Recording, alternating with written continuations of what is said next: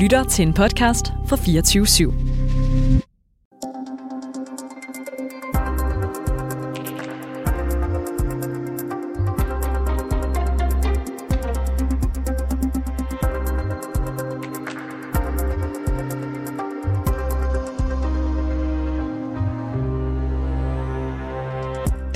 Måske øh, mindst overraskende nyhed i dansk politik indtraf jo i øh, går eftermiddag. Mm-hmm. Christian Thulsen Dahl, han forlader øh, Dansk Folkeparti. Øh, det gør han blandt andet med et Facebook-opslag, hvor han skriver noget i stil med, at øh, når folk nu har ønsket, at jeg skal forlade partiet, for at tingene kan blive gode igen, så må jeg jo gøre det. Ja. Martyriummet, ikke? Jamen er det ikke det, vi ser Jo, jo, på det- det- det er det som vi har hørt alle vores politiske analytikere øh, tale så meget om, at det ligesom har været det, der har været hele essensen ved, at han blev så længe, ikke? Vi skal jo skynde os at sige, at øh, det kunne jo have været fedt at sige, at vi har et interview med Christian Thulsen Dahl. Ja. Men det har vi altså ikke. Nej. Han har sagt nej til at være med. Ja. Så det kan vi ikke øh, bidrage med, men øh, vi har alligevel lidt Dansk Folkeparti på programmet i dag. Jeg har ringet rundt til en række forskellige medlemmer af Folketinget, og så har jeg spurgt, hvad vi egentlig skal takke Dansk Folkeparti for her på faldrebet. Ja. Det er senere i øh, programmet her til morgen. Ja, for det er jo måske endnu et tegn på, at partiet øh, er tættere på at styre direkte mod afgrunden, ikke? Det bliver Ja, spændende. det, det bliver det. Cecilie, vi har også et interview senere med bestyrelsesformanden på Halvsholm. Ja. Han hedder Jon Stockholm. Øh, spørgsmålet er jo, hvad han mener, der skal til for at få ændret øh, kulturen. Øh, det krasser jo ikke. Krisen krasser på Halvsholm, efter øh, kongefamilien, øh, kronprinsparet, har øh, trukket deres øh, søn ud af skolen og sagt, at prinsesse Isabella, hun skal altså heller ikke starte der efter sommer. Nej. Øh, så hvordan gør man det ikke? Hvordan får man det til at blive en kongelig hofleverandørskole igen? Ja. Hvordan øh, ændrer man en kultur med overgreb og mobning? Hvis man øh, kan finde svaret på det, så kan man nok blive en rigtig, rigtig rig øh, mand. Vi skal prøve at høre, om øh, den nye bestyrelsesformand har svaret til os. Alt det og selvfølgelig også lidt mink. Det er stor minkdag i dag her i Reporterne. Godmorgen og velkommen til. Har den socialdemokratiske forsvarsminister Morten Bødskov vildledt Folketinget? Ja, det mener Søren Søndergaard fra Enhedslisten på baggrund af en agtindsigt, som vi her på reporterne har fået svar på. Under debatten om afstemningen om øh, afskaffelse af forsvarsforbeholdet for kort tid siden, så spurgte Søren Søndergaard nemlig forsvarsministeren, hvilke udgifter Sverige har haft forbundet med at deltage i EU's kampgrupper fra 2008 frem til dags dato. Ministeren svarede, at Sverige fra 2010 til 2019 har betalt 0 kroner til EU's kampgrupper. De oplysninger fik han fra det svenske forsvarsdepartement via den danske ambassade i Stockholm. Siden har DR så afsløret, at EU's kampgrupper har kostet svenskerne over 4 milliarder svenske kroner i netop 2008. Men det var ikke med i forsvarsministerens svar til Søren Søndergaard. Det var de ikke, fordi Morten Bødskov aldrig har fået ambassaden til at undersøge udgifterne fra lige præcis 2008, selvom det var 2008 som specifikt årstal, han altså blev spurgt ind til. Det kan vi her på reporterne afsløre her til morgen på baggrund af et svar på en aktindsigt, som øh, vi har søgt.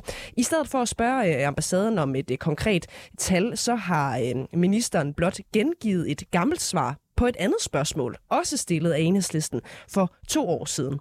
Og den øh, måde at håndtere spørgsmål og svar fra en minister, ja, den er enhedslistens Søren Søndergaard pænt utilfreds med. Det vil du høre i det interview, der kommer her. Det er jo hammerirriterende, når man stiller nogle spørgsmål, at man ikke kan få, få svar på dem. Altså, man, man stiller jo spørgsmålene for at få et svar. Og jeg synes jo, at det er en, en ekstra vigtig ting, at det var et spørgsmål, der var stillet i en folkeafstemningskampagne, hvor at øh, der jo var en diskussion om, hvad kan det her komme til at koste? Øh, og hvor øh, der blev optrådt med, at der var, der var stort set ikke nogen udgifter forbundet med det her. Og så viste det sig, at hvis Danmark vil påtage sig det samme ansvar, som Sverige har påtaget sig i forhold til at have en, øh, en kampgruppe klar, øh, uden at den bliver sendt ud, men bare have den klar, så koster det faktisk temmelig mange penge.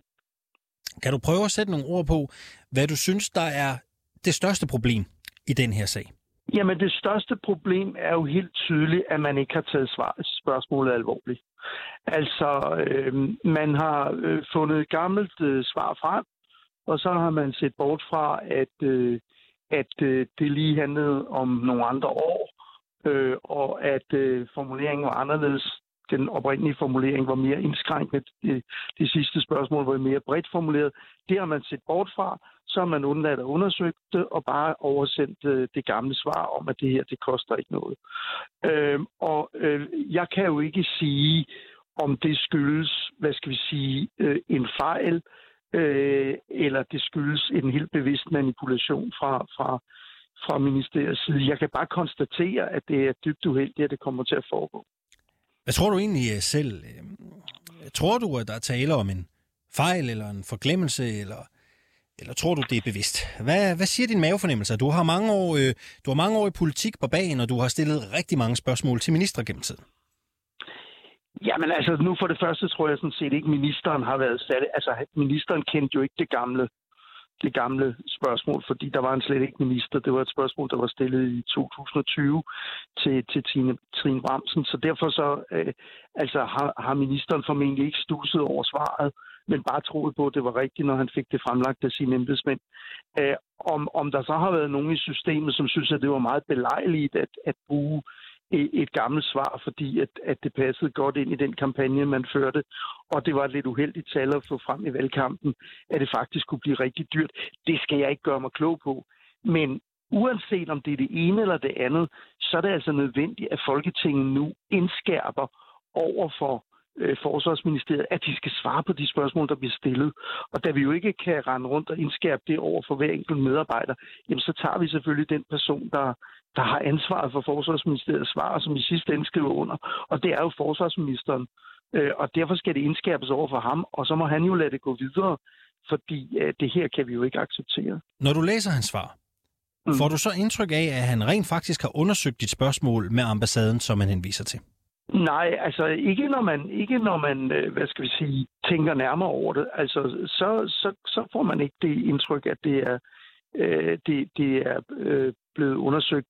Når vi, når vi spørger, og, og selvfølgelig også når vi spørger i den periode, vi spørger om, så er det selvfølgelig fordi, de har en anelse om svaret. Altså, det, det er en generelt god regel, jeg har lært gennem mange år i, i, i Folketinget, at, at når man stiller spørgsmål, skal man helst have en anelse om svaret, fordi ellers så kan man altså blive kørt, kørt øh, ud på Lars øh, et eller andet marker, ikke? Øh, hvor det ikke er sjovt at være. Så derfor, øh, vi kunne jo godt se, at det der kunne ikke passe. Øh, og derfor vidste vi jo, at der var noget, der var helt galt her. Men, øh, men altså, der kunne jo være andre, der, der, der hoppede på det. Heldigvis så var der jo så også pressefolk, som tog det op og fik det afsløret. Men så har han vel vildledt jer med sit svar? Altså, ja, det er jo klart, at det svar øh, er vildledende i den forstand, at det ikke er et svar på det spørgsmål, vi stiller. Altså, det, vi, vi får et, et gammelt svar øh, optrykt, øh, og det, det er selvfølgelig dybt kritisabelt. Øh, og det er...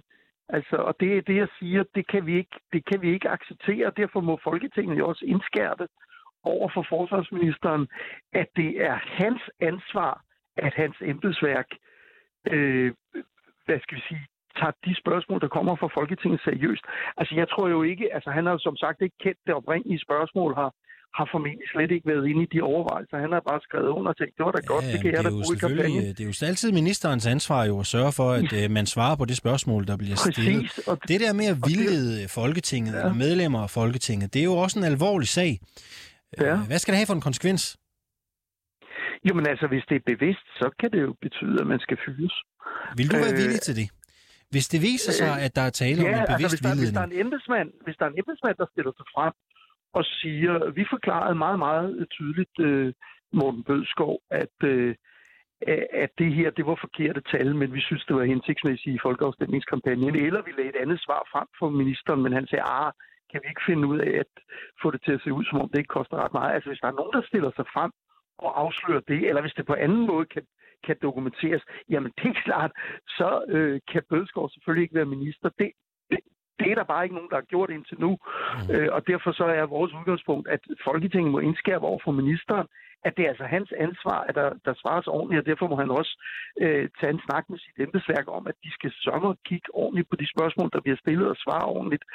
Øh, så så, så det, er jo, det er jo der, vi er. Nogle gange er det jo sådan, at man ikke, at man ikke rigtig øh, ved alt, ikke? og det, det ved vi jo ikke i den her situation. Og sidder du tilbage lige nu med en følelse af, at du har tillid til, øh, til ministeren? Ja, altså, som sagt, det var, det var ikke ministeren, der blev stillet det første spørgsmål, og derfor vil jeg sige, hvis han har fået det forelagt fra sit embedsværk, så ville jeg måske også som minister bare have skrevet under og tænkt, hold da op, det var da dejligt, at vi nu kan gå ud i, i folkeafstemningskampagnen og påstå, at det koster stort set ikke noget at ophæve det der forsvarsforbehold.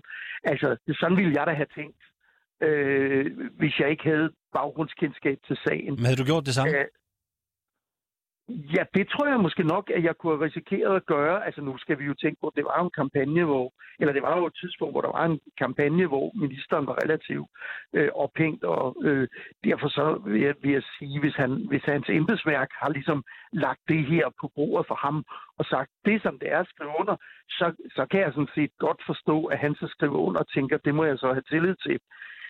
Der må han så bare lære nu. Det kan han altså ikke have, og han bliver nødt til at indskære over for sit embedsværk, at det går ikke en anden gang.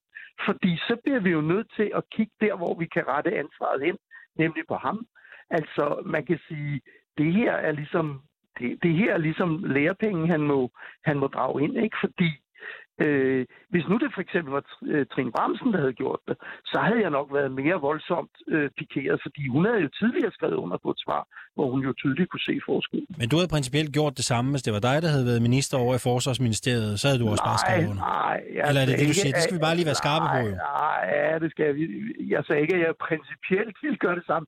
Jeg sagde, at jeg vil ikke udelukke, at jeg, var, at jeg havde skrevet under øh, i, i den situation, hvor man Øh, er på vej fra det ene til det andet, og ens embedsværk lægger noget frem og siger, sådan er forholdene, sådan er de faktiske forhold. Øh, og og, og der, der er jo andre sager, og ingen, ingen sag nævnt, ingen sag glemt, hvor at, at vi altså bare bliver nødt til at sige, at, at øh, politikere ofte bliver nødt til at spørge ind til det, de får at vide af deres embedsværk, eller ikke får at vide, og spørge, jamen er det nu rigtigt? Har I nu undersøgt det? Og det kan man jo sige er lidt kedeligt, at, at vi er kommet dertil, men, men det er jo helt tydeligvis øh, nødvendigt. Her til sidst, øh, han nævner jo slet ikke det årstal, du spørger om i sit svar. Hvorfor reagerer Nej. du ikke på det, før vi får svar på den her agtindsigt? Øh, altså, fordi det interessante var jo, at det var at det var kommet, at det kom frem, at det kostede faktisk over 4 milliarder. Ganske vist svenske kroner, det er jo ikke ret meget for, for en dansker, det ved vi godt, men, men det er der jo trods alt en del milliard, også i danske kroner. Og det var, det var jo det, der var det vigtigste for os at få frem. Mm. Øh, og så er I så gravet videre, det er, jo, det er jo strålende. Men jeg vil godt understrege, at, øh, at øh, det er ikke acceptabelt, at der kommer den type af svar, øh, hvor at man nærmest skal skal jo øh, kende, altså grave i tingene og bede om agtindsigt for at kunne øh, være sikker på at svare rigtigt. Altså det kan, det, kan, det kan simpelthen ikke være meningen. Udgangspunktet er, når et folketingsmedlem stiller et spørgsmål til en minister, så skal svaret ikke alene være korrekt, men det skal også være fyldesgørende. Altså, det er klart, man skal jo ikke øh, starte med Adam og Eva, men, men man skal ikke skjule noget, som, som øh, eller undlade at oplyse noget, som, som, øh, som, som burde være oplagt at oplyse i den her forbindelse. Ja, vi har de seneste tre dage gjort os fuldstændig tilgængelige for et interview med forsvarsminister Morten Bødskov på alle tider af døgnet, men det har han altså ikke kunne finde tid til. Vi har sent i aftes i stedet modtaget et langt skriftligt svar, hvor der kort fortalt øh, står, at han genbrugte det tidligere svar, fordi han forstod spørgsmålene som øh, ens. Men det var to forskellige år, der blev spurgt ind til, skal man jo også lige huske. Ja, han forstod det som ens. ens. Ja. Min kommissionen kommer i dag med sin længe ventede rapport, der har været undervejs i mere end et år. De fleste øjne er rettet mod statsministeriet, navnligt statsminister Mette Frederiksen og departementchef Barbara Bertelsen. Og Mette Frederiksen har allerede forsøgt sig med mindre indrømmelser, såsom at der er begået fejl. Det har hun gjort i et stort interview øh, i Berlingske. I sin kerne der drejer sagen sig om, at regeringen førte an af Stats- og Justitsministeriet uden lovhjemmel bad de danske minkavlere om at slå deres bestand ned. Kort sagt, slå stort set alle minkdyr i Danmark ihjel. Og i dag der skal ansvaret altså placeres af Minkkommissionen. Emil Winkler, godmorgen. Godmorgen. Politisk redaktør her på 24-7. Det ligger jo i kortene, at der kommer en kras kritik af diverse ministerier, og det virker også til, at statsministeriet får kritik. Hvad tror du, vi kan forvente os af den rapport? Ja, det er i hvert fald det, vi hører, at der skulle være en sådan rimelig kras kritik af, af, af statsministeriet. Altså, og det er også det, jeg tror. Altså Weekendavisen havde i sidste uge nogle uddrag, et læk fra rapporten. Hvem der har lækket det, det ved vi selvfølgelig ikke.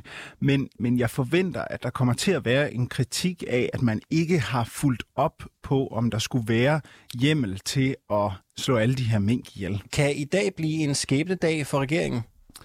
Uh, altså, jeg vil sige, jeg tror ikke lige præcis i dag kommer vi, der tror jeg ikke, vi kommer til at skulle opleve partierne lægge sig fuldstændig fast på, hvad der skal ske i de videre forløb. Altså, der er forskellige scenarier, og øh, det ene scenarie, det er, at der bliver iværksat det, der hedder sådan en advokatvurdering, altså hvor man sætter nogle advokater til at vurdere, om der skulle være grundlag for at rejse tiltale i eksempelvis en rigsret. Altså om der er noget, som er så inkriminerende, at der er grundlag for en, en straffesag. Det andet er jo altså, hvis der er nogen, der råber rigsret med det samme, det kunne man godt forestille sig, at for eksempel sådan en som Ny Borgerlige vil råbe.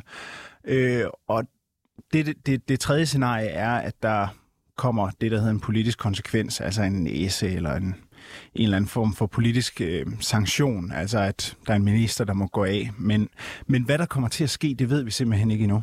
Øh, statsministeren, øh, hun øh, har jo forsøgt at komme den her rapport i forkøbet, som jeg også nævnte. Der har været bragt et større interview i Berlingske, øh, og her har hun inviteret medierne øh, til interviews på Marienborg. Øh, interviews, hvor hun kan sige, at hun forventer kritik, men hun kan ikke udtale sig specifikt om, hvilken slags kritik. Hvorfor giver man så et interview? Jamen, det er spændende. altså, der foregår enormt meget spænd i forhold til den her kommission. Altså, det er meget tydeligt og at se, altså, at regeringen, de forventer virkelig, at det her, det bliver en, en tung omgang. Altså, der skal virkelig, de sker omdrejninger. Så det her interview skal ses som udtryk for spin. Altså, hun vil prøve at tage dampen af kritikken allerede inden den er kommet, fordi vi skal huske, at Mette Frederiksen ved egentlig godt, hvad der står i den her rapport, fordi øh, de, de parter, som er en del af sagen, de får udleveret det, der står om dem, allerede inden rapporten kommer, så de kan nå at replicere på det. Og så hun ved godt, hvad der kommer til at stå, og det er jo meget tydeligt, at, at, at hun øh, forventer, eller hun ved, at der kommer en stor kritik, så ved at lave det her interview, hvor hun i virkeligheden siger nul og niks, så kan hun ligesom tage dampen af det. Hvor længe har hun vidst, hvad der kommer til at stå i den der rapport? Mm, tre ugers tid, tror jeg. Altså, det, de, får det, de får to uger øh, til at, og det, det kaldes en høring, altså de får det udleveret, og så har de to uger til ligesom at replicere på, på den kritik, der kommer til at være i de afsnit omkring den, den pågældende minister eller embedsmand, eller hvad det nu er. Øh, altså, jeg tror, en, en, en måneds tid, tre uger, har de, har de nok vidst det. Men vi skal også se... Øh, altså, Socialdemokratiet kører virkelig kampagne omkring det her mink nu. Altså, de har også lavet øh, en kæmpe øh, annoncer rundt omkring på togstationer og i aviser, hvor der står, at at øh, regeringen samarbejder og se, hvor meget vi har fået igennem de seneste tre år med alle partier. Og det er for at imødekomme den kritik, der måske skulle være af, at Mette Frederiksen er magtfuldkommen. Mm. Øh, hvad kan vi forvente af støttepartierne i dag? Der er jo ingen tvivl om, at øh, partier på øh, Blå Blok givetvis vil være ekstremt kritiske over for det, der kommer til at stå i kommissionens rapport i dag. Hvad kan vi forvente af støttepartierne? For der er vel også en grænse for, hvad radikale, SF og enhedslisten kan leve med og kan finde sig i. Ja, altså, der er jo, øh, man kan sige, alle, alles øjne er jo rettet mod støttepartierne, fordi det er dem, der sidder med de endelige mandater, hvis der skal gøres noget. Og i særlig grad de radikale, der har de seneste par par dage været nogle interviews i politikken, hvor de har ringet rundt og spurgt det radikale bagland, hvad synes I, der skal gøres på baggrund af den her kommissionsberetning? Og det kommer sig af, at øh, der har jo lige været en, en sag omkring Inger Støjberg. Hun blev dømt i en rigsret for overtrædelse af ministeransvarsloven. Der var jo også en kommission, der lå til grund for det. Og allerede inden den kommission kom med beretningen, der sagde de radikale, vi skal have en advokatvurdering af den her mm. beretning, så vi kan se, om det her kan bære en rigsret, altså om man kan placere et retligt ansvar. Og det er jo klart, at når man, når man tager det standpunkt i en sag, så er der også mange, der forventer, at de tager det standpunkt i en, en anden sag, hvor der kommer en, en, en kras kommissionsberetning. Men hvad der kommer til at ske, det ved vi simpelthen ikke endnu. Og jeg er meget, meget spændt på at se, hvordan partierne stiller sig. Nu lander øh, den rapport så i dag, den lander vel mellem klokken 13 og, øh, eller klokken 12 og 13 på et eller andet øh, tidspunkt. Øh, den kommer selvfølgelig til at fylde, den kommer til at fylde nu, den kommer til at fylde hen over sommeren. Bliver det her også et tema i en øh, eventuelt kommende valgkamp? Ikke mange siger jo, at der kan være et valg på trapperne i efteråret. Vil det her stadigvæk være noget, der bliver talt om, når vi når dertil? Øhm, ja, fordi det bidrager til det billede, som de borgerlige prøver at tegne af en statsminister, der bare kører fuldstændig solo-rit sammen med hendes øh, departementchef. Så de vil helt klart, de borgerlige vil helt klart bruge den her øh, kommission, Mink-kommission og den her Mink-skandale til at, at, at tegne det billede af, af statsministeren. En ting er jo, hvad der er på spil for statsministeren, øh, for øh, fødevareministeren, øh, øh men hvad med embedsværket? Departementcheferne. Øh, Barbara Bertelsen i statsministeriet, øh, departementchefen i Fødevareministeriet. Hvad er på spil for dem i dag? Jamen, det er disciplinære sager, øh, som vi også har set i, for eksempel, altså hvis vi fremdrager det seneste eksempel, altså Støjberg, øh, sagen, hvor øh, flere embedsmænd også fik øh, disciplinære advarsler og, og, øh, og, og blev hjemsendt. Altså det, det kan også sagtens ske her. Altså der sidder en departementchef over i i Fødevareministeriet, som måske ikke rigtig har levet op til sit ansvar ved ikke at tjekke, om der var lovhjemmel. Der sidder måske også andre embedsmænd, som burde have vidst, at det her det krævede ekstra hjemmel, og det, her, og det, og det kan føre til noget disciplinær ansvar. Emil Winkler, politisk redaktør på 24-7. Øh, vi følger selvfølgelig med løbende i løbet af dagen, hvad der sker. Vi har meget mere om det her i, mm. Øh, i morgen øh, naturligvis også. De skyldige er blevet dømt for terrorangrebet, der dræbte 130 mennesker i Paris i 2015. De øh, seneste 10 måneder har der været høringer i øh, retssagen. Efter tre at øh, have været lukket ind i tre dage, er de fem dommer nu nået frem til, hvordan de 20 skyldige altså skal dømmes. undskyld. Der, skal, eller der blev undskyld uddelte domme på alt mellem to års fængsel og livstid uden prøveløsladelse, alt efter hvilken involvering de skyldige havde i angrebet. Flere af dem var ikke med i selve udførselen. Angrebet fra 2015 er det dødeligste angreb i fransk fredshistorie. Bevæbnede gerningsmænd åbnede ild og dræbte koncertgængere i øh, Bataclan-teatret øh, og i nærheden af Stade de France øh, fodboldstadion, men også en øh, lang række bar og restauranter blev øh, angrebet. Og angrebet indebar også en række eksplosioner, og to af gerningsmændene i øh, Bataclan detonerede selvmordsveste, da politiet stormede bygningen. Terroristerne og de medvirkende til angrebet havde forbindelse til islamisk stat, som også tog ansvar for angrebet. Louise Sanne er 24-7's øh, korrespondent i Frankrig. Øh, godmorgen. Godmorgen. Alt mellem to år og livstid hører vi altså. Øh, bare lige for at få sat det i relief. Er det hårde domme? Ja, det er, det er relativt hårde domme, men det er også øh, retfærdige domme, vil jeg sige. Øh, det er de i hvert fald blevet, blevet rost for at være i går i, øh, i aftes, da de faldt. Øh, fordi de her domme viser, at, øh, at øh, dommerne har været i stand til at vurdere og dømme hver enkelt for det, som de har gjort.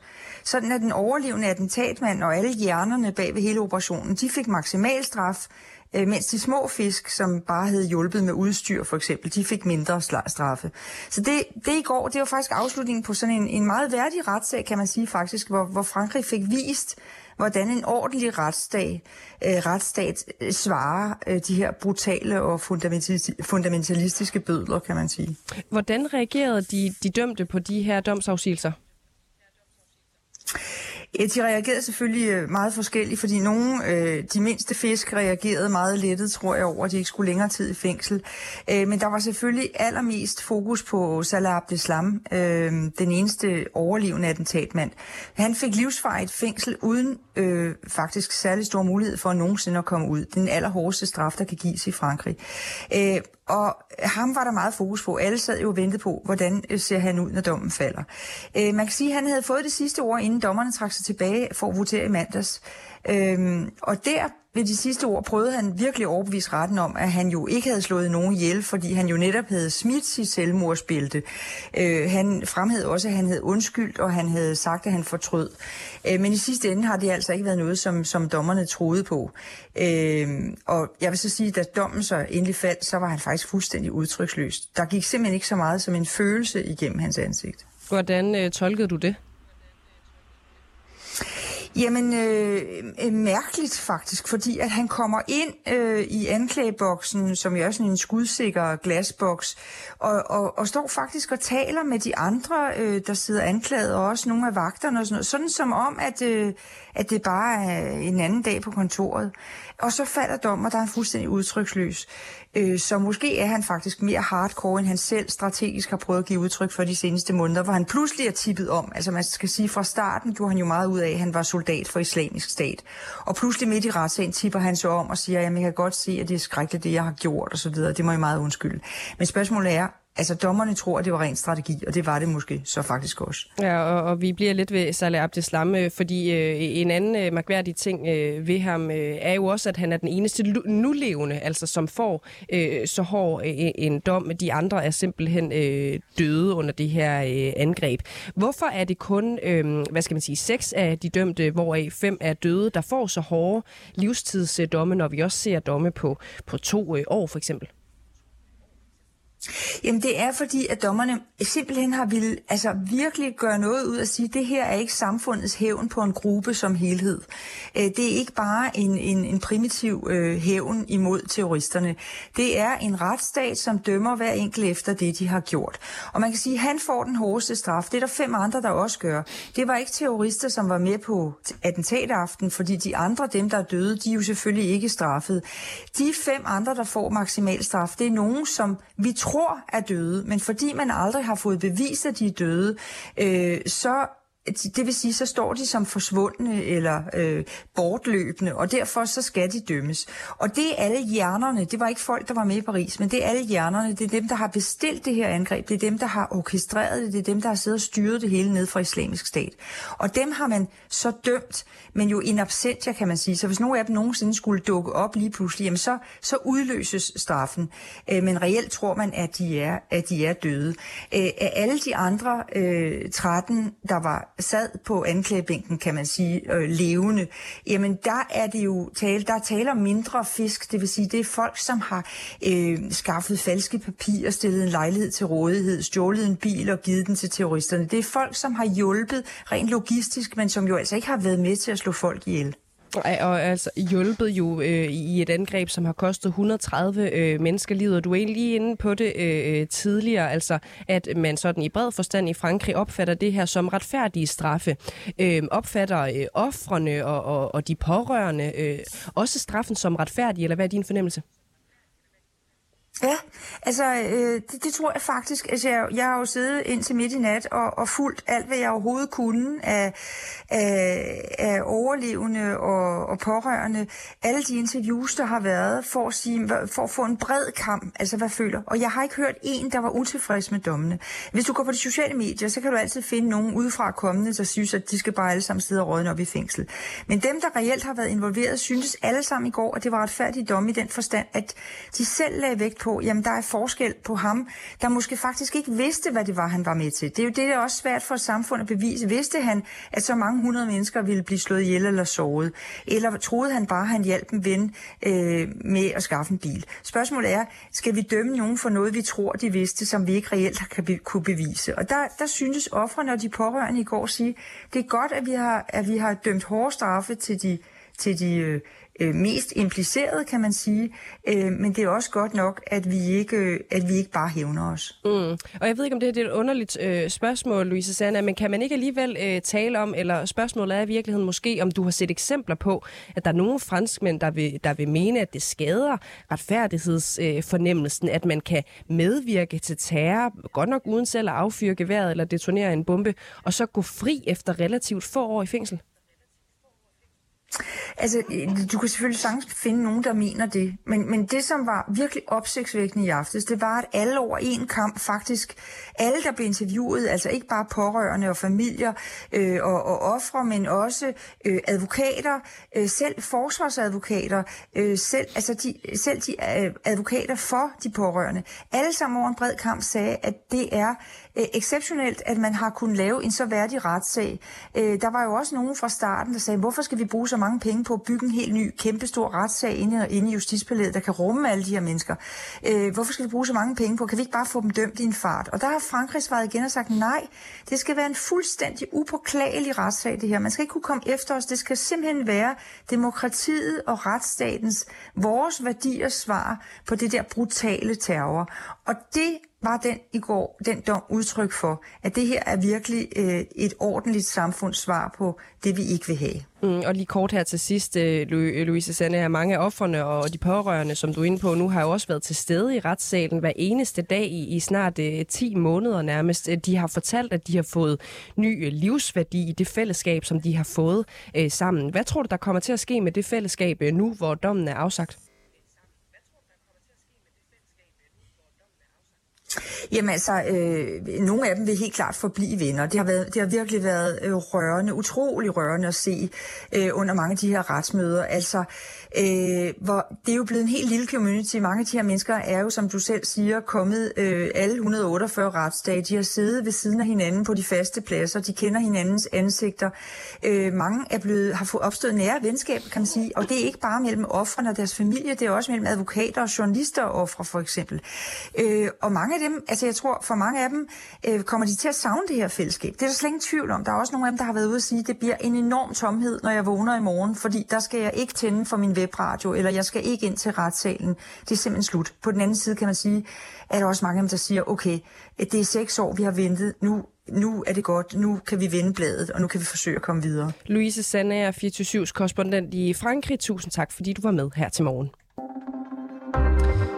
Justice for Bjarne har jeg kaldt det næste øh, indspark. Vi det er jo et hængeparti, ikke? Bjarne Ries er ikke blevet inviteret til øh, den officielle åbning af øh, Tour de France, der jo er i morgen. Og må vi godt sige, at vi mener her på redaktionen, at det er simpelthen for dårligt. Det er 100% den officielle holdning. Det kan vi godt dårligt. blive enige i. Det kan godt være, at han har taget EPO, men det er også mange år siden, og det har alle de andre også. ja, ja, det er det. Du kan jo ikke vinde Tour de France, uden at være... Ej, det må man ikke sige. Det ved jeg det må vi ikke sige. Jeg ved det, de bliver skide sure, men ja. det er altså rigtigt. Sådan er det. Undskyld. Ikke? Yes. Ja. Øh, men nu er der bare en ny udvikling i sagen, Alexander, fordi en af hovedsponsorerne øh, af, af turstarten her i Danmark, øh, det, det er ham, der hedder Ulf Bæk Christensen, som er direktør i det, der hedder Pentabase. Ja. Han er også ude at sige, at det her det er forkert på så mange måder. Bjarne Ries er den største danske cykelrytter, vi har haft. Han har inspireret tusindvis af unge til at gå til sporten og til at tage cyklen på arbejde. Ja, han har gjort noget forkert, men hans betydning for sporten overgår hans fortid. Ja. Fuldstændig. Ja, ja, det er så rigtigt, som det er sagt. Preacher og choir, ikke? Og ved du, hvad han så har gjort? Han har sagt, jeg har til med lyst til at tage sagen i egen hånd. Jeg er ligeglad med, at hans, øh, øh, øh hvordan og hvorledes bagmændene siger. Jeg vil tilbyde ham at komme, få en billet og sidde sammen med mig i uh, VIP'en, altså til turstart. Så han kan blive hans plus one? Lige præcis. Nå, det er sgu da Jamen, meget det er jo sådan nogle firmaer der, de har jo... Øh, ja, ja, de har x antal 15, 20, 50, et eller andet billetter præcis, til. Lige præcis. Ja. Har han sagt ja? Ved vi det? Det ved vi ikke. Nej. Men altså, vi kunne da godt tænke os lige at starte med at øh, måske ringe til Ulf og spørge, ja, hvad, det var ved, hvad det var ved alt det her, ja, ja. Der, der gjorde ham så pikeret. Lad os fyre den af. Lad os prøve. Men nej. Lad os se, om han tager den. vi har fundet et telefonnummer på. Er det på et eller to? Øh, kigger jeg ud. Kan vi lige på linje to? Yes. Vi ringer til Ulf ja, Vi har bare fundet et nummer, men jeg ved altså ikke, om det er rigtigt. Nå. Eller jo, men vi ved ikke, om han tager det. Hej, det er Andreas. Det er ikke Ej, det, det rigtige nummer. Det, øh, det lød ikke som Ulf i hvert fald. det var...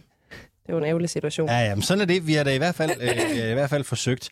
Øh, Cecilie, vi blev bare nødt til at konkludere, at, øh, at vi må holde øje med i morgen, når det hele løber af stablen, om øh, Ulf øh, han ligesom har øh, selskab... Måske står med et dejligt øh, glas champagne sammen med øh, Bjarne Ries, ikke? Han drikker ikke, tror jeg. Bjarne Ries? Ja, jeg tror det ikke. Nej. Tror du det? Nej, han... han... Tror han er afholdsmand? Ja. Jeg ved det ikke. Nej, han indtager helst sine øh, væsker i øh, pernol. Put en skiller på nu. Nej, det vil jeg ikke. Vi lader den bare stå. Jeg får den lidt længere her.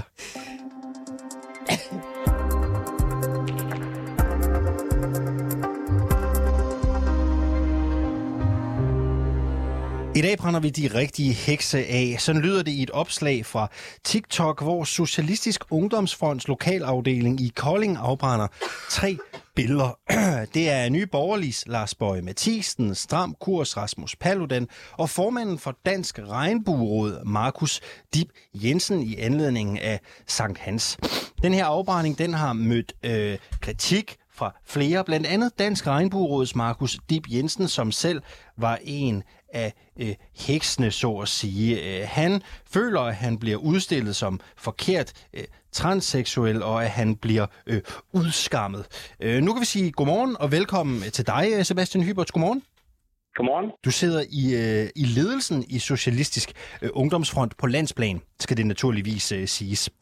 Øhm, hvorfor afbrænder øh, medlemmer af Socialistisk Ungdomsfront billeder af deres politiske modstandere? Jamen altså, i, i det her tilfælde er det jo øh, meget tydeligt med, ideen er, øh, og altid har været, at det, det handler om det her med vores Sankt Hans traditioner med at brænde hekse af. Øh, det er også derfor teksten på bare, nu brænder vi de rigtige hekse af det er jo øh, det er ikke, det har aldrig været ment som øh, en opfordring til, til vold imod de her mennesker. Og det er jo også, altså, det er også derfor, det, vi har taget, altså, eller Suf Kolding har taget oplægget ned. Fordi det var ikke det, var ikke det der var hensigten. Hensigten har hele tiden været at tage, tage det op med, at vi har jo de her traditioner for at brænde en heks af til Sankt Hans, som jo primært er for en repræsentation af nogle, nogle underånder, der skal sendes ud. Øh, og det er, jo, det er jo lidt det, ideen var, øh, at putte et ansigt på de her mennesker, øh, og, og hvad kan man sige, brænde en repræsentation af, som primært var at sige, okay, hvorfor er det, at vores repræsentation af ondskab skal være en kvinde, og en kvinde, der jo egentlig repræsenterer en folkegruppe, af, der blev forfulgt i, i starten af reformationen også, altså det eneste heksemord kun lige over 200 år siden, øh, som ofte er uafhængige kvinder, eller jordmøder, der for eksempel hjalp, når altså unge kvinder var blevet gravide. Det er ligesom vi ser, der jo er en forfølgelse af for eksempel læger i USA i dag. Synes du for eksempel, at Magnus Dib Jensen, som er en helt almindelig, øh, en helt almindelig NGO-repræsentant fra Dansk Regnbueråd, er et, øh, et billede på moderne ondskab? Det er om det er sådan set fordi, at, at alle de tre figurer i et eller andet omfang øh, er sådan, stillet op som figurer for, for nogen, der altså, som, som hvis en af deres primære pointer, det er at repræsentere, hvad kan man sige, en, en, en eller anden form for had til, ja. til en minoritet. Så hvad kan man sige, i regnbuerådets tilfælde for eksempel... Der had, var det havde de minoriteter? Øh, jamen altså, transpersoner bliver jo udelukket. Øh, altså transkønnede og øh, ikke-binære, øh, som begge to er kønsminoriteter, ja. bliver jo et eller andet sted lidt blevet til for had.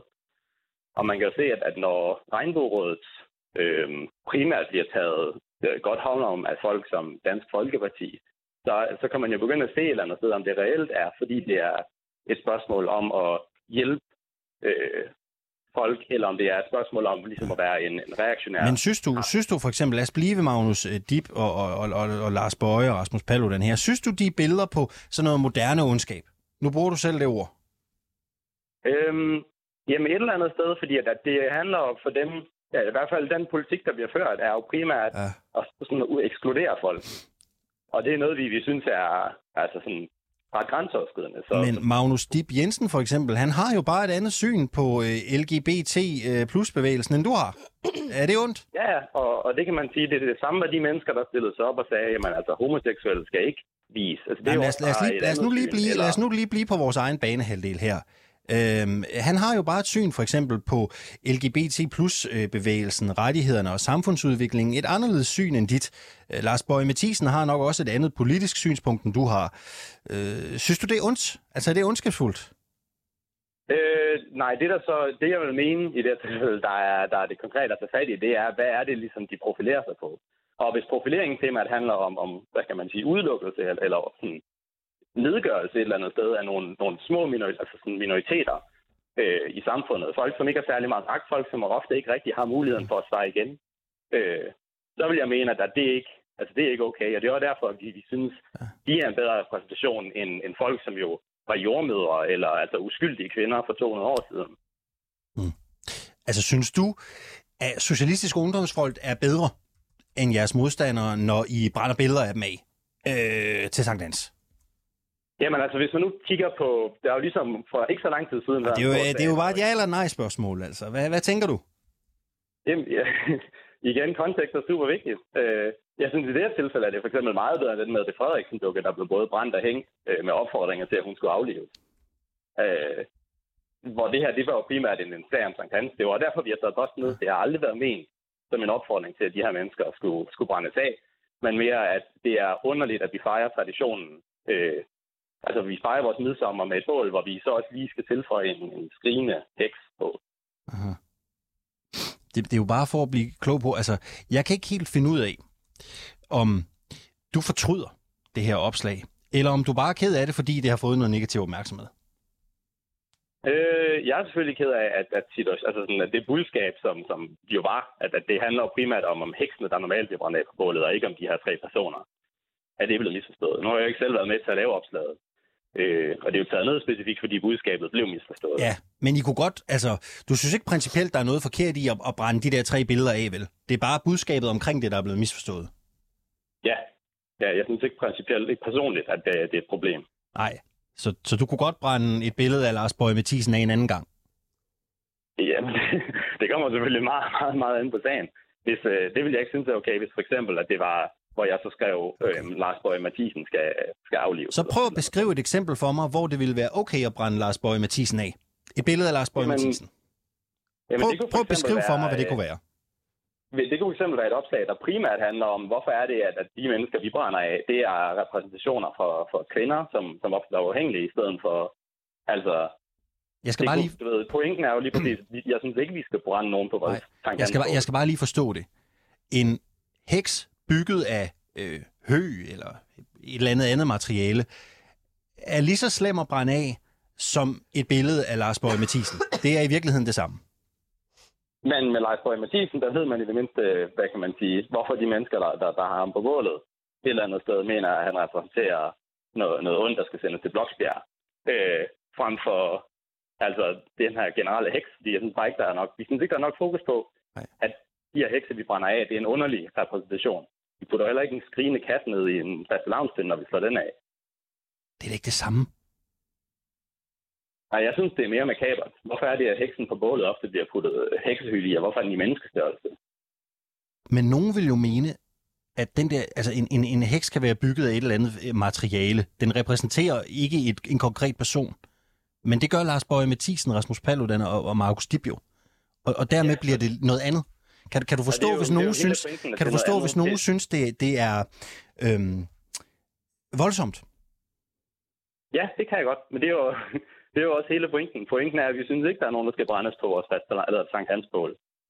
Og derfor så humaniserede vi, at der var nogle konkrete mennesker, der var på bålet i stedet for. Fordi så vil folk jo lige tænke, ej, er det ikke, er det ikke lidt meget? Og så er det sådan, jo, men hvad er det så? Ideen var jo for folk til at tænke på, hvad er det så, heksen egentlig repræsenterer, vi brænder af? Hvem vil du allerhelst brænde af på et, øh, på et bål, hvis du selv kunne vælge? øhm, ja, det, det ved jeg sgu ikke. Øh, Helst ikke nogen mennesker. Jeg, jeg går ikke ind for. Nej, bare et billede så, eller en dukke. Hvem vil du helst brænde et billede eller en dukke af? Jamen ingen. Og det er, jo, det er jo nemlig lige præcis pointen med, med vores aktion. Okay. Øhm, har det haft nogle konsekvenser for jeres lokalforening, det her? Øh, fordi øh, kritikken har jo som sagt øh, været øh, fra flere kanter. Der er også øh, mange politikere, der har været ude og sige, at de synes, det er ved siden af skiven. Altså har det haft konsekvenser for dem, som har lavet den her øh, aktion? Okay, altså nu det, det har jo ikke, ikke andet end, at de jo har, har trukket, hvad kan man sige, de har trukket videoen tilbage. Nå, men det er mere, om I, om I øh, som forening mine har... Øh, Det er reelt. Hvad siger du? det er mere, om I som forening har, øh, har, har sanktioneret lokalforeningen på en eller anden måde. Nej, vi har en, en rigtig, rigtig stor del af lokalgruppeautonomi i Socialistisk Ungdomsfront, og det er Formålet er, at, at unge, altså de forskellige øh, afdelinger kan have forskellige meninger, og det er helt fint, så længe vi, vi kæmper om vores minimumsprogram. Og det her det er jo sådan set bare en aktion lavet af en, en gruppe, øh, som, hvad hedder det, ja, som har autonomi til lidt at, at gøre de her aktioner, som de har lyst til. Dukken af Mette Frederiksen, der blev brændt af, det blev jo en sag. Øh, en Ja. politisag også. Ved du, om det, der er sket i Kolding, er lovligt? Øh, nej, det ved jeg ikke. Jeg går ud fra, at den her sag øh, om dukken, det var jo fordi, det var en opfordring til vold. Og der vil jeg mene, at, det, hvis det er en opfordring til vold, så må afbrænding af heksen på Sankt Hans være en opfordring til, til vold imod jordmødre. Øh, eller kvinder i øh, healerfag, altså sådan, som læger og sådan noget. Men du ved ikke, om det er lovligt eller ej? Nej, det, det gør jeg ikke. Nej. Hvad nu, hvis det er ulovligt? Jamen så, øh, Okay, men så, så synes jeg, det vil være spændende at prøve, om, om ikke jordmøder og, og læger, som er i de her healerfag, som blev brændt på bålet under reformationen, om de så ikke også lige skulle prøve at få det ulovligt gjort Så, en heks så den sag, den, hvor, hvorfor efterprøver du egentlig ikke den sag der? Det er nok et spørgsmål om ressourcer. Øh, og nu synes jeg jo sådan set heller ikke nødvendigvis, at det er staten, der skal rende og, og bestemme, hvad man må brænde på, på et Sankt Hans bål. Øh, Sebastian Hyberts, tusind tak, fordi du ville være med. Det var interessant. Tak, fordi du ville være med her til morgen.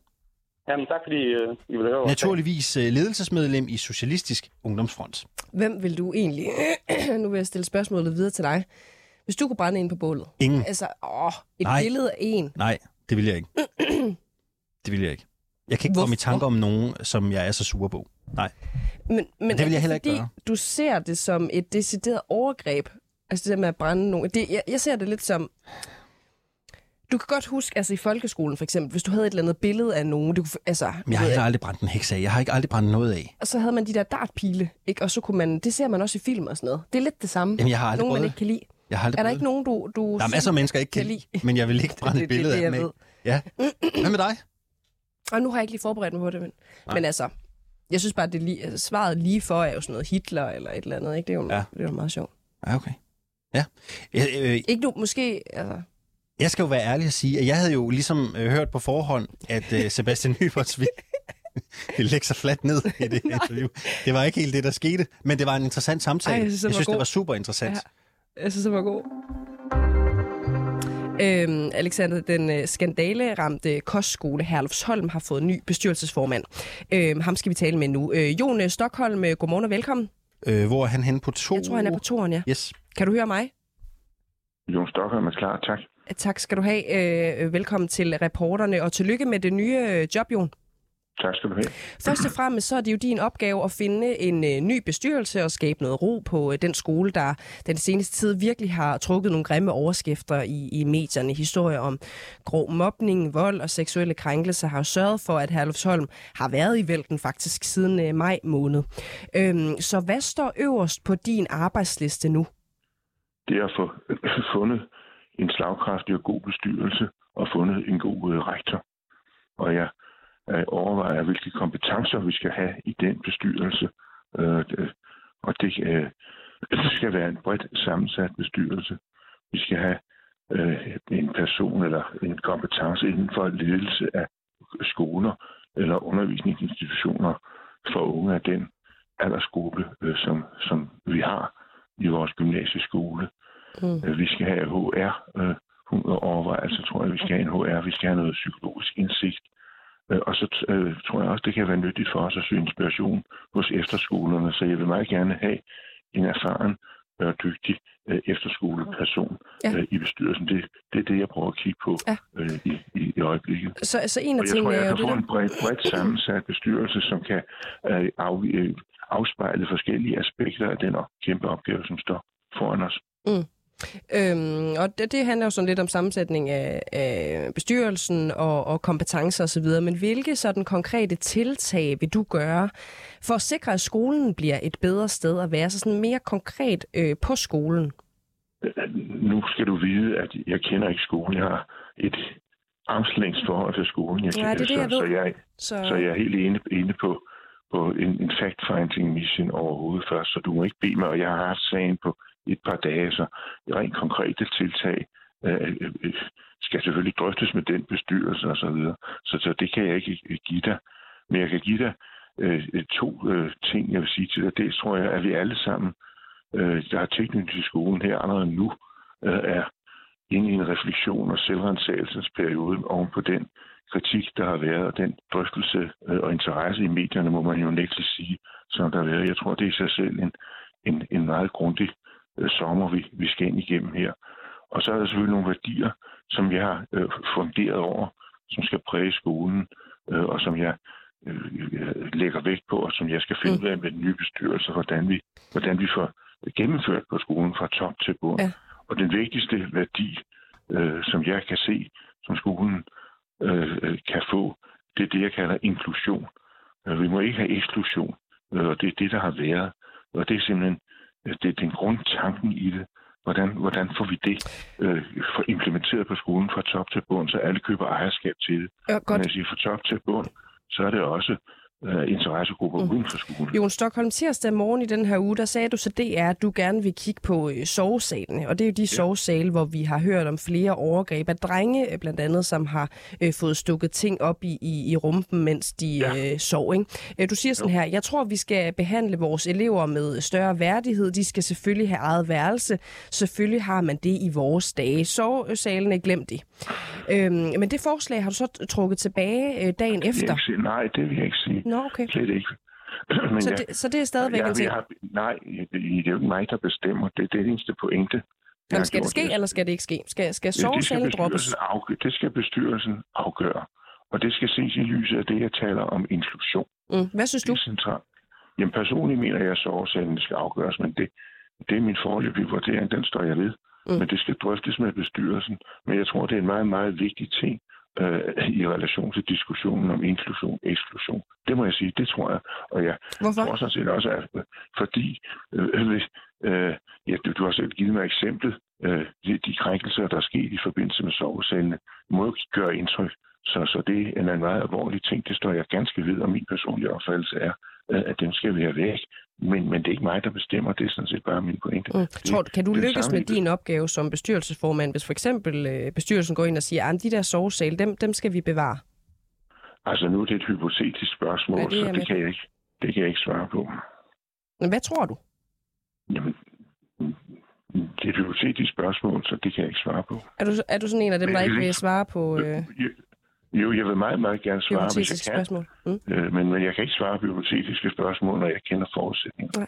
Det er, bare, det er mere fordi, det virker faktisk som om, at, øh, at du føler ret stærkt for det her. Du, du som du Jamen, siger, det ikke? jeg, det gør jeg Vores også. elever Men- skal men- have større værdighed, og det tror jeg, der er Ja. mange, der, der tænker lige nu. Der er simpelthen ikke særlig meget værdighed forbundet med det her. det er Tandbørster op i. rumpen og, og så Men- videre, ikke? Jeg er fuldstændig enig med dig, og det er en meget alvorlig sag, men nu er jeg dommer, Mm. og derfor skal man også høre den anden side af sagen, før man træffer en afgørelse. Det Hvad sådan vil de kunne sige enkelt. til dig, for du sådan vil, øh, for du vil ændre din mening til det her? mig.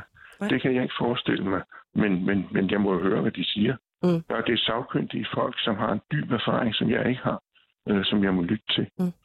Du har også sagt til Ritzau på et tidspunkt, øh, værdigrundlaget er meget individualistisk betonet.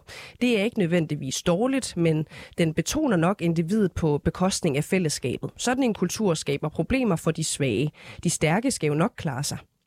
Øhm, jeg er bare Nu har, lidt... der, nu har der været en diskussion om, hvad jeg mener med de stærke Ja. og de svage. Mm. Og det er det, jeg mener med, det er det, jeg taler om eksklusion og inklusion. Det er sådan set det, jeg mener. Den, der bliver ekskluderet, er svag, og derfor må det ikke ske. Og derfor skal vi se på værdigrundlaget. Det er derfor, jeg siger, kerneværdien skal være inklusion. Ja, det er mere det der med, om man er svag, hvis, hvis man for eksempel ikke kan lide at få stukket ting op øh, bag i, og er man stærk, hvis man mobber andre eller begår overgreb for eksempel. Altså det er bare for at, at forsøge, hvil- hvilke kategorier du ligesom ser som dem, Jamen, der har tror, været jeg har defineret. mig, jeg tror, jeg har udtrykt mig overordentligt uheldigt. Øh, og Uheldigt? Det, ja, fordi okay. jeg taler om stærke og svage. Jeg skulle have talt om inkluderet og inklusion og eksklusion. Men, men pointen er, at den, der bliver ekskluderet, er i sig bliver svag ved det. Og det er derved, vi også kan jeg øh, se et problem, et kæmpe problem, øh, og, og årsagen til, til alle de forfærdelige ting, som, som, som der er sket på skolen, mm. og som vi skal have reddet op med rode. Det, er det- jeg ved ikke, om det der eksklusion og inklusions øh, argument, tror du, du skal fintunes lidt over for eleverne for eksempel, når de begynder at stemme ind efter? Ja, ja det, det er jo et, et, et, et fremmed ord, og det skal Ja, jo, lidt. øh, så det skal, det skal gøres helt, helt konkret, ja. Men det er ligesom et overordnet tankegang og en tankeretning. Det er helt klart, det skal jo gøres helt, helt Mm. konkret i, i dagliglivet. Jon Stockholm, øh, tak fordi du var med her til morgen. Selv tak. Altså ny bestyrelsesformand på Halvsholm Kostskole. Og vi har jo spurgt, øh, hvad skal Herlufsholm gøre for at ændre sit øh, ry? De skal have fred for pressen, skriver Jens øh, Christian. Karma skriver, det kræver en kulturændring, men den slags kommer ikke over en nat. Og Per Jørgen Larsen skriver, at man kunne rive det ned.